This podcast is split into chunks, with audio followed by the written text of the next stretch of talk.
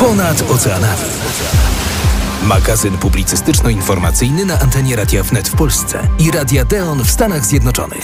W każdy czwartek o 15.30 w Warszawie, Krakowie, Wrocławiu i Białymstoku. Ponad oceanami. A o 8.30 rano w Chicago w stanie Illinois, Michigan, Indiana, Wisconsin na 1080 AM. Oraz na Florydzie w Tempe, Sarasocie i Clearwater Beach na 103,9 FM oraz 15.20 AM. Ponad oceanami. Nasi korespondenci po dwóch stronach świata informują i analizują aktualne wydarzenia ponad oceanami. I witamy się z Państwem w czwartek, 20 lipca na zegarze punktualnie godzina 15.30, ale to na zegarze tutaj u nas w Polsce, bo my łączymy się z Państwem z Warszawy, ale dzisiaj połączymy się z różnymi miejscami na świecie. Jak mówi sama nazwa audycji, wędrujemy ponad oceanami. No i teraz już usłyszymy głos współgospodarza audycji, czyli Sławomira Budzika. Dzień dobry, dzień dobry, prosto ze studia w Chicago. E, witam Ciebie, Jaśmino, witam e, Państwa gorąco i serdecznie. No, dziś e, bardzo ciekawie będzie z naszej strony e, oceanu. Po pierwsze, e, powiemy o tym, że w Stanach Zjednoczonych być może będzie zniesiona kara śmierci. Projekt e, już jest szeroko komentowany i ma spore poparcie w Kongresie amerykańskim. Powiemy także o tym, że stan Illinois e, wprowadził coś, e, czego nigdzie indziej w kraju nie ma. Otóż Illinois jest pierwszym stanem, e, który całkowicie eliminuje kaucję pieniężną. E, Tak więc teraz e, osoby będą wypuszczane z aresztu bez wpłacania nawet kaucji. Będę o tym Państwu opowiadał i powiem także o tym, że zmarła Maria Seweryn, wdowa po twórcy pomnika katyńskiego w Niles, Wojciecha Seweryna, bardzo znanego animatora tu życia społecznego, który zginął w katastrofie e, w 2010 roku. Nasi reporterzy mówić będą innymi o tym, e, że w Nowym Jorku złapano seryjnego mordercę i o tym, że Nowy Jork ma nowego komendanta. O tym powie prosto z Nowego Jorku Monika Adamski. Natomiast z Kanady, z Toronto relacja Izy Lech. Kanada wciąż płonie i końca tak naprawdę nie widać. Ponad 10 milionów hektarów spalonych e, pól, e, lasów i innych części kraju. W Grecji płoną lasy e, blisko Aten, ale wciąż płonie Kanada. O tym Iza Lech, e, która także powie o nowej drodze dla legalności dla Ukraińców, którzy dotarli do e, Kanady. A skoro o Kanadzie, to będzie także o rozwoju gospodarczym Kanady. Powiemy, czy jest dobrze, czy jest źle. Na pewno dobrze jest Messiemu na Florydzie. O tym już nasza reporterka prosto, z, prosto z Ewa Generalczuk. Otóż menia, mania takiego Messiego, czyli mesomania e, w Miami trwa i nie tylko na e, całej Florydzie w sumie wszyscy mówią tylko i wyłącznie o Messim. Messi jest już zadomowiony, jeśli idzie o Florydę. E, Będzie także o rekordowym pytonie, który został znaleziony w Narodowym Parku Everglades, no i o tym, że DeSantis publikuje plan przywrócenia armii amerykańskiej. Powiemy o co chodzi w tej sprawie. Tak więc te tematy na pewno się pojawią w naszych korespondencjach, a zatem czas już zacząć kolejne wydanie naszego magazynu Ponad Oceanami.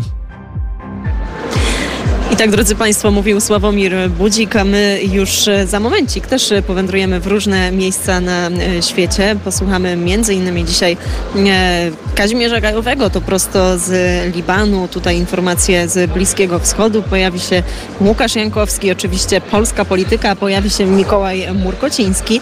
Mm, Opowiemy tutaj także o konferencji na temat odbudowy Ukrainy. To wielka, największa tego typu konferencja, która odbywa się mm, dzisiaj w Polsce. Ukraina, Europa i Polska. W jaki sposób możemy współpracować, tak aby jak najszybciej wejść i rozpocząć ten proces odbudowy Ukrainy. A już teraz, drodzy Państwo, łączymy się z Ewą Generalczuk. Ponad oceanami. oceanami. oceanami.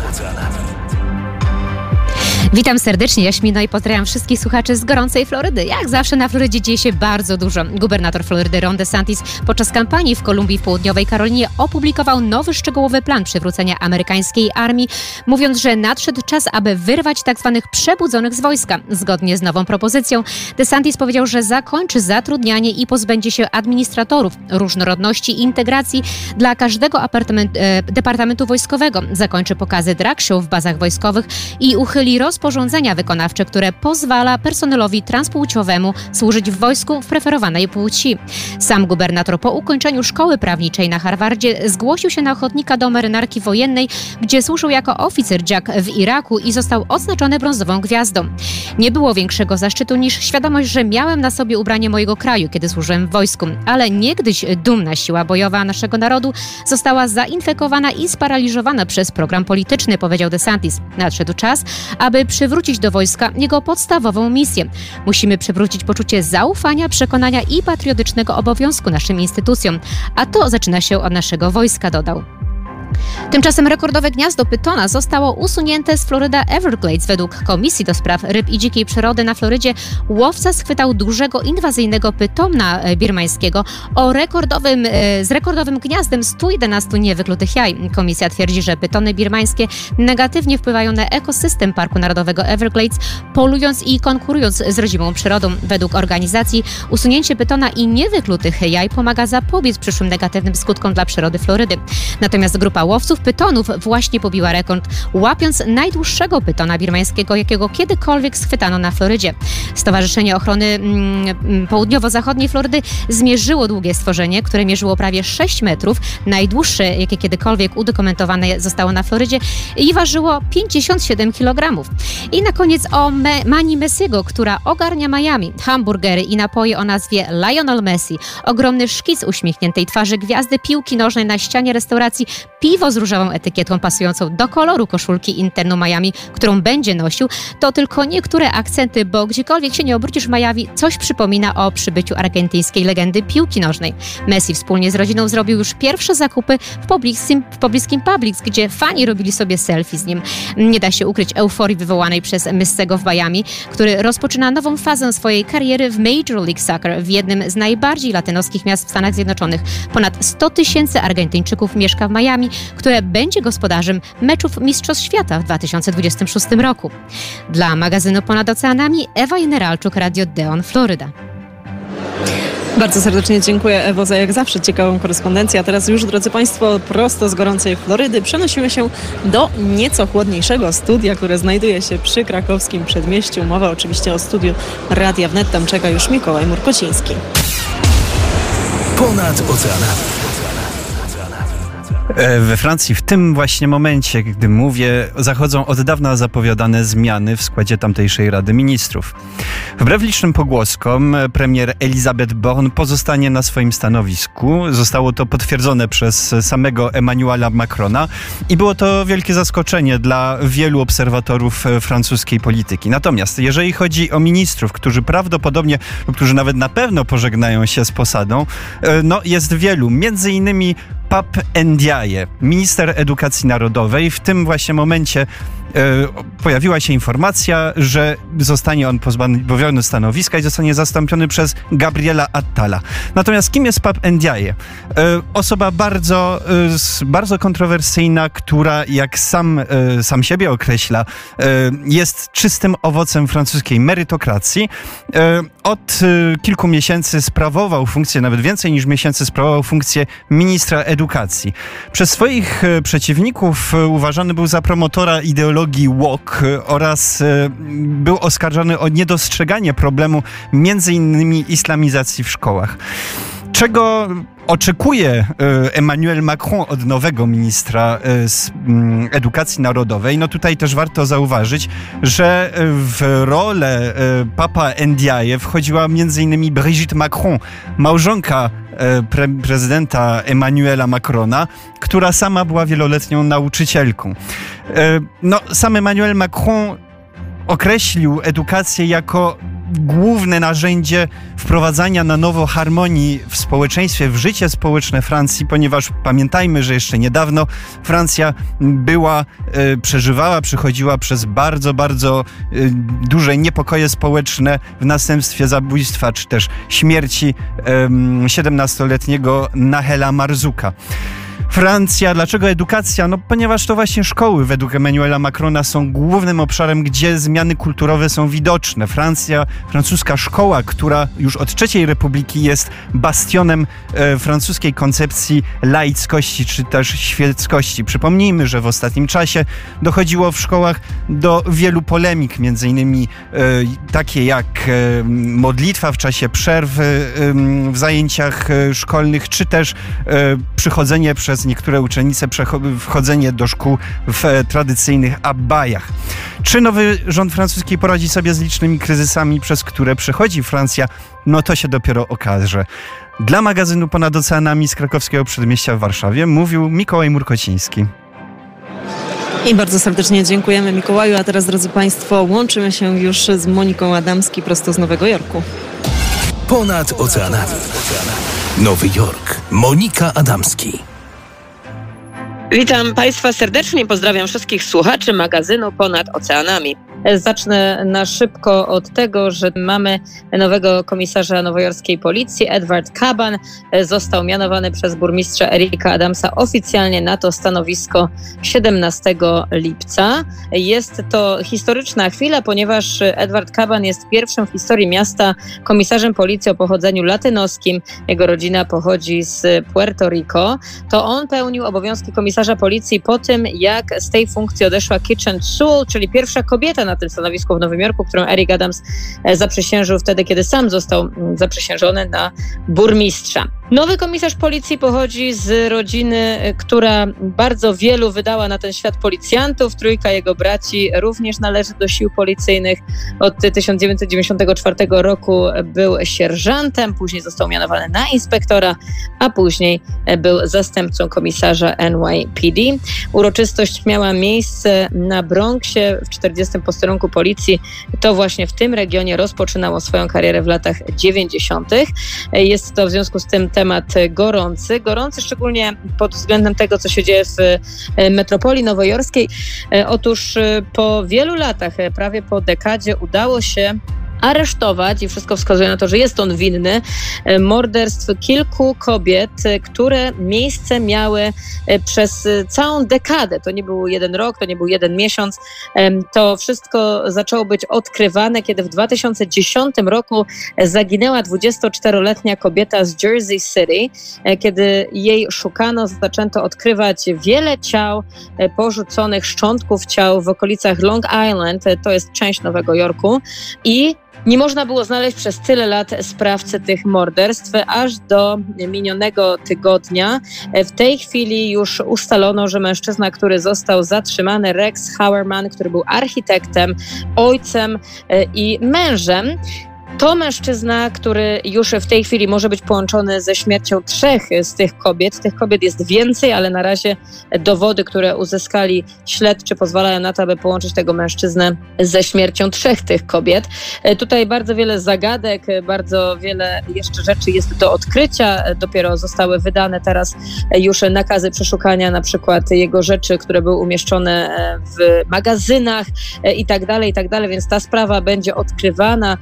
Stop stopniowo w ciągu najbliższych dni. Temat jest świeży, ale absolutnie zaskakujący i ten teren, w którym on mieszkał, Massapequa Park na Long Island, jest w tej chwili w centrum zainteresowania mediów, ale e, czego boją się szczególnie również sąsiedzi e, w tej dość spokojnej, i takiej typowej dla Long Island właśnie społeczności e, boją się tego, że zaczną przybywać do tego domu, gdzie ten mężczyzna mieszkał. Ludzie, e, którzy będą ciekawi e, po prostu dlaczego i jak i, i co takiego się wydarzyło. Wiem, że w Stanach Zjednoczonych niestety często tak jest, że jest jakiegoś rodzaju fascynacja takimi zbrodniami, takimi osobami. I rzeczywiście w tej chwili wszystko też na to wskazuje ta sprawa absolutnie e, też e, w tej chwili na pierwszych stronach e, i główne zainteresowanie społeczności nowojorskiej. Tym żyjemy w Nowym Jorku, tym żyje Polonia, tym żyją Nowojorczycy. Dla magazynu Ponad Oceanami Monika Adamski, Radio Rampa, Nowy Jork. To były informacje prosto z Nowego Jorku, a teraz, drodzy Państwo, przenosimy się tutaj do y, warszawskiego hotelu Hilton. To tutaj odbywa się kolejna już edycja międzynarodowej konferencji Europe, Poland, Ukraine, We Build Together. Na temat, to jest konferencja, rozmowy na temat perspektyw rozwoju sytuacji gospodarczej w Ukrainie, ale też jej wpływu na gospodarkę światową, a to, co oczywiście interesuje najbardziej nas, czyli Polskę, to to, w jaki sposób Polska może zauczestniczyć w tym procesie odbudowy. Ważne tematy są tutaj poruszane. Omawiana jest sytuacja no, po ponad roku od wybuchu tej wojny, a bardzo dużo się zmieniło. Mamy dużo rozmów, tematów na temat stanu współpracy polsko-ukraińskiej na poziomie i gospodarczym, i administracji, ale też kontaktów biznesowych. Przyjechali tutaj przedstawiciele administracji rządowej e, Ukrainy i to wysocy rangą przedstawiciele. Mamy e, przedstawicieli polskiego rządu, pojawił się m.in. Michał e, Dworczyk, ale przede wszystkim to są rozmowy na tym poziomie biznesowym, bo to tutaj dzisiaj spotyka się mały, średni biznes, zarówno z Ukrainy, jak i z Polski. No i kluczowe jest teraz, aby, aby w jakiś sposób ten sektor prywatny udało się tak naprawdę stronie rządowej, mówię o polskim sektorze prywatnym, zachęcić do tego, aby właśnie nie bał się wejść z prywatnym kapitałem, aby nie bał się wejść też no, w to ryzyko, bo no, oczywiście nie ma mowy o odbudowie Ukrainy, dopóki trwa tam e, realny konflikt, ale nawet kiedy on się zakończy, to przecież Ukraina to jeszcze kwestie bardzo dużej korupcji, to jeszcze kwestie nie, nie, niesprawnie działających, działa, działającego sądownictwa i to są rzeczy, no, z którymi też trzeba się uporać i to jest proces na długo. I te wszystkie tematy są dzisiaj poruszane, jeszcze pewnie konkluzje tutaj z tego wydarzenia, a także te rozmowy i goście, którzy dzisiaj przybyli, a także goście ukraińscy będą pojawiać się na antenie Radia Wnet, więc myślę, że szerzej uda się te wszystkie tematy omówić, a my już teraz, drodzy Państwo, tutaj z Warszawy wędrujemy gdzieś hen daleko i witamy się z ojcem Pawłem Kosińskim. Ponad oceanami. Witam, witam bardzo serdecznie wszystkich naszych ocenicznych słuchaczy. Dzisiaj chcę powiedzieć o nowych aktach wandalizmu, które miały miejsce w Stanach Zjednoczonych w związku z napięciami społecznymi, które w ostatnim czasie bardzo mocno dają o sobie znać. Napięciami, które dotyczą ochrony życia, y, postawy wobec transgender, y, też zaangażowania religii w te kwestie antyaborcyjne i antytransgender.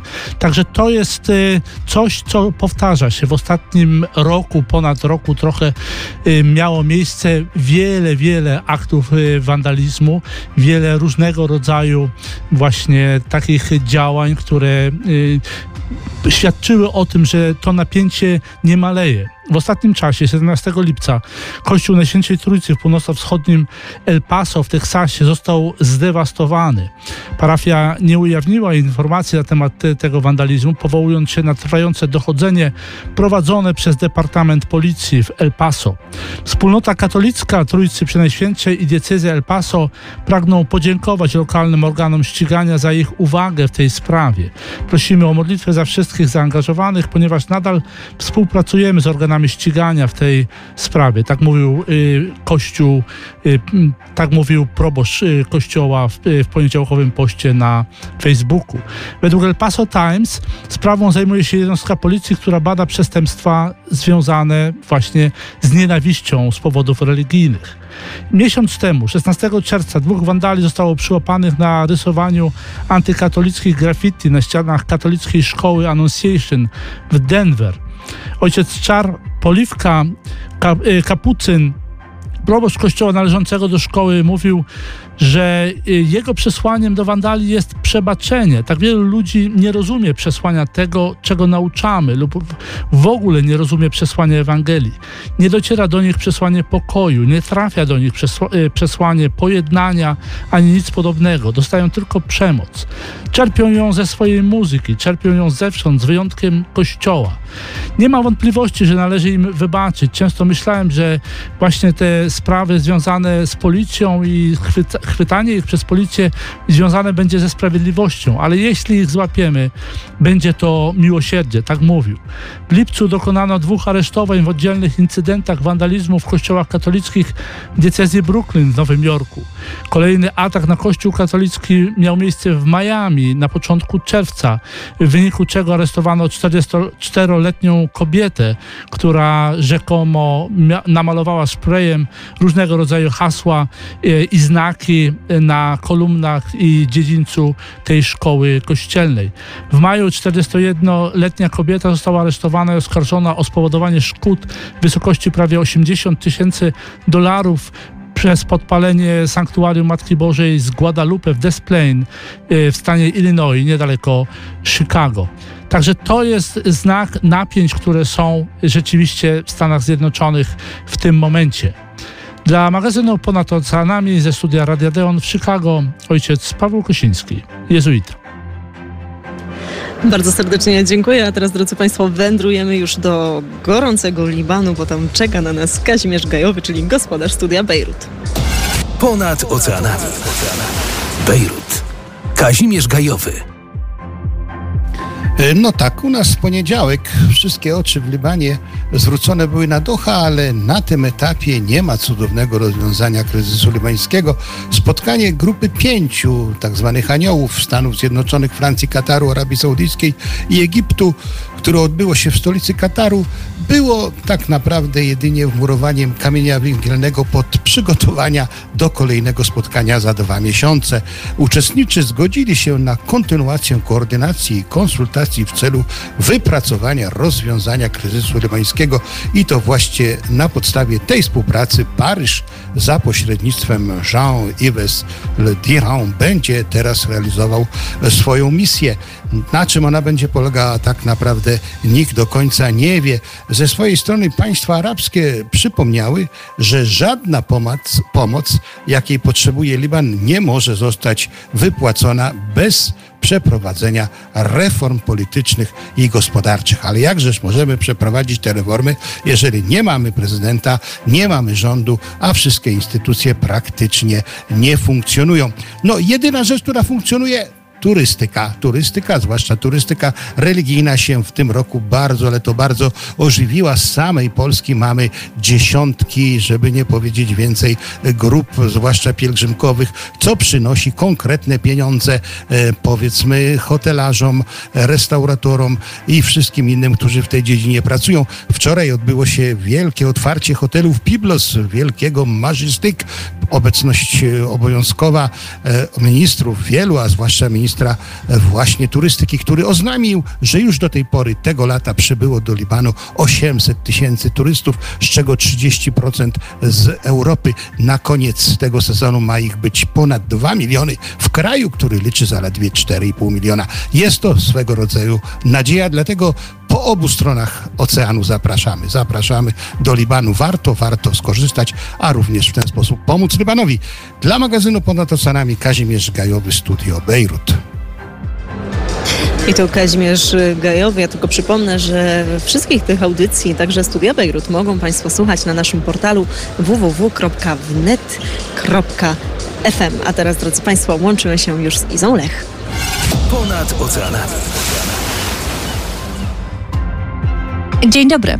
Witam serdecznie słuchaczy i redakcję magazynu Ponad Oceanami.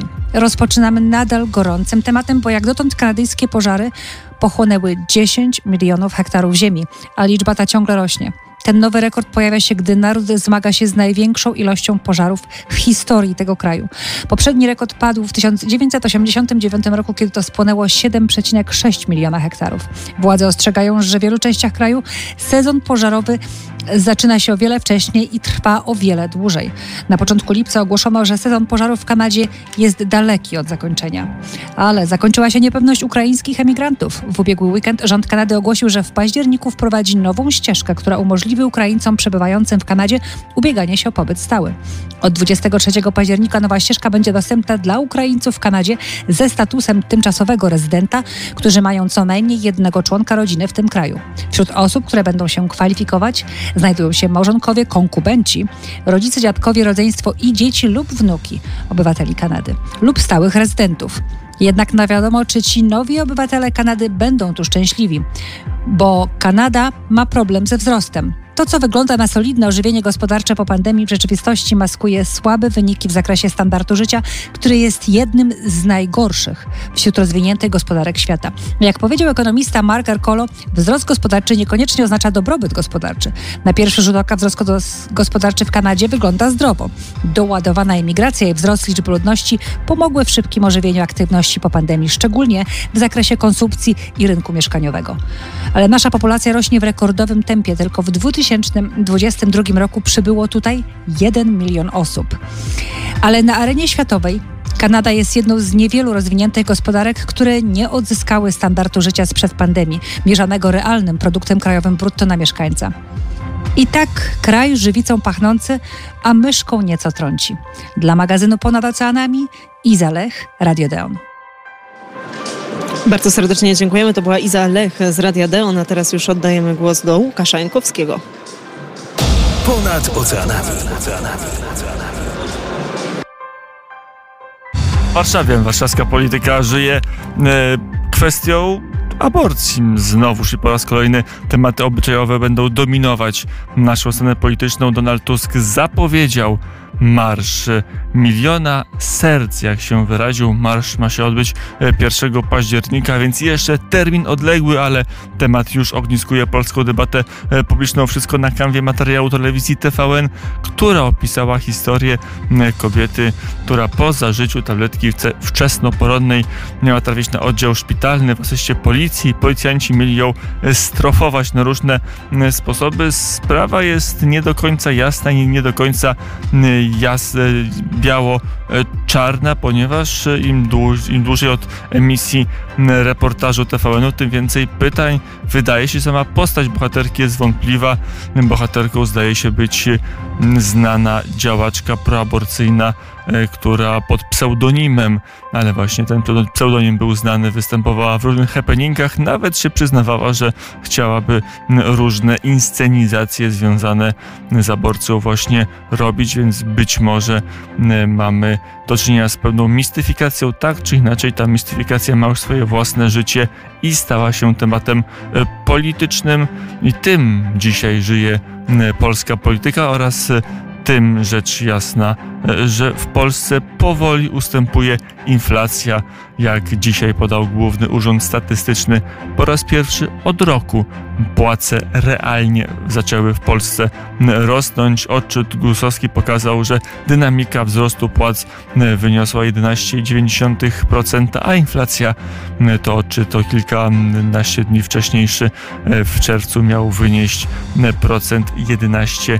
No i prosty rachunek pokazuje, że prace, że płace zaczęły realnie rosnąć, ale ale jest y, kilka w tej sprawie. Po pierwsze, szybkie rachunki gusowskie co do e, pensji obejmują tylko i wyłącznie zatrudnionych w przedsiębiorstwach powyżej 9 pracowników, a większość, prawie 2 trzecie polskich pracowników pracuje w firmach małych, a tam wiemy to z innych badań, pensje są niższe, czasami znacząco niższe i większość z tych dwóch trzecich Polaków pracujących w tych małych firmach w życiu nie widziała i nawet nie myślała o zarobkach rzędu 7 tysięcy kilkuset złotych, bo tyle obecnie wynosi średnia pensja 7300.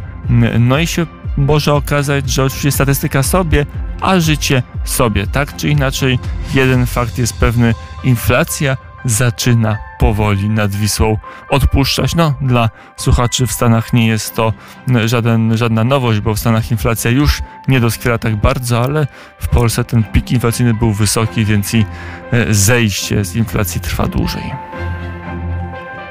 To Łukasz Jankowski, bardzo serdecznie dziękuję. To jeszcze, drodzy Państwo, na moment y, zatrzymamy się tutaj podczas tej konferencji dotyczącej odbudowy Ukrainy. Jedna ważna informacja, informacja, która, która też tutaj padła w ciągu najbliższych dwóch tygodni. Mm, będzie przedstawiona lista projektów dotyczących m.in. inwestycji transportowych na Ukrainie skierowanych do polskich firm, które są zainteresowane odbudową tego kraju.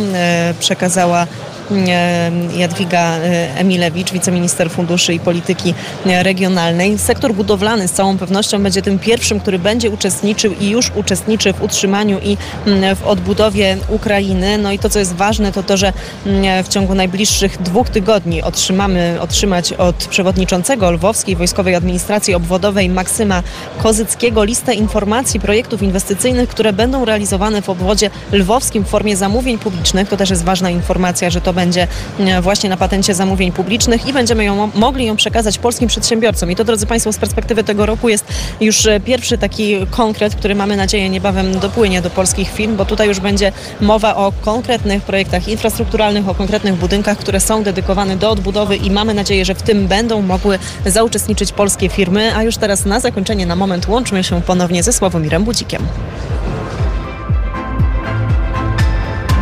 Stanach Zjednoczonych zmarła Maria Seweryn, żona twórcy pomnika katyńskiego w Niles pod Chicago, Wojciecha Seweryna, który zginął w katastrofie smoleńskiej w 2010 roku. Maria Seweryn miała 82 lata. Była niezwykle skromną i pokorną osobą. Żona świętej pamięci Wojciecha Seweryna cierpiała na chorobę nowotworową. Msza święta odbędzie się najpierw w Chicago 29 lipca, a potem ciało zmarłej zostanie przetransportowane do Polski. To tutaj na cmentarzu parafialnym w Żabnie w województwie małopolskim niedaleko Tarnowa zostanie pochowana. Otóż Wojciech Seweryn jest doskonale znany całej Polonii e, w Chicago. To on e, zbudował pomnik katyński, pod którym do dnia dzisiejszego odbywają się patriotyczne uroczystości. Wojciech Seweryn zginął w katastrofie samolotu prezydenckiego pod Smoleńskiem w 2010 roku. Tymczasem w Stanach znowu e, ożył temat kar śmierci. Demokraci z kongresu przedstawili projekt ustawy znoszącej federalną karę śmierci, nazywając tę głęboko wadliwą procedurę morderstwem usankcjonowanym przez państwo. Ogłoszenie w tej sprawie e, publikuje m.in. senator stanu Illinois Dick Darbin. E, otóż administracja Trumpa przeprowadziła łącznie 13 egzekucji. Za Bidena zabito już 42 skazańców. Natomiast kara śmierci nie powinna być wykonywana, gdy dostępne są inne sposoby karania przestępców i ochrony społeczeństwa, które bardziej szanują życie ludzkie. Tak piszą z kolei w tej debacie amerykańscy biskupi. A ja przypomnę, że Kościół katolicki absolutnie jest za życiem. Kościół z determinacją działa na rzecz jej zniesienia na całym świecie. Tak stwierdza katechizm Kościoła katolickiego w paragrafie 2306. Więcej na ten temat, jeśli idzie o zniesienie kary śmierci, piszemy na naszym portalu informacyjnym w dziale USA na deon24.com. Ponad oceanami.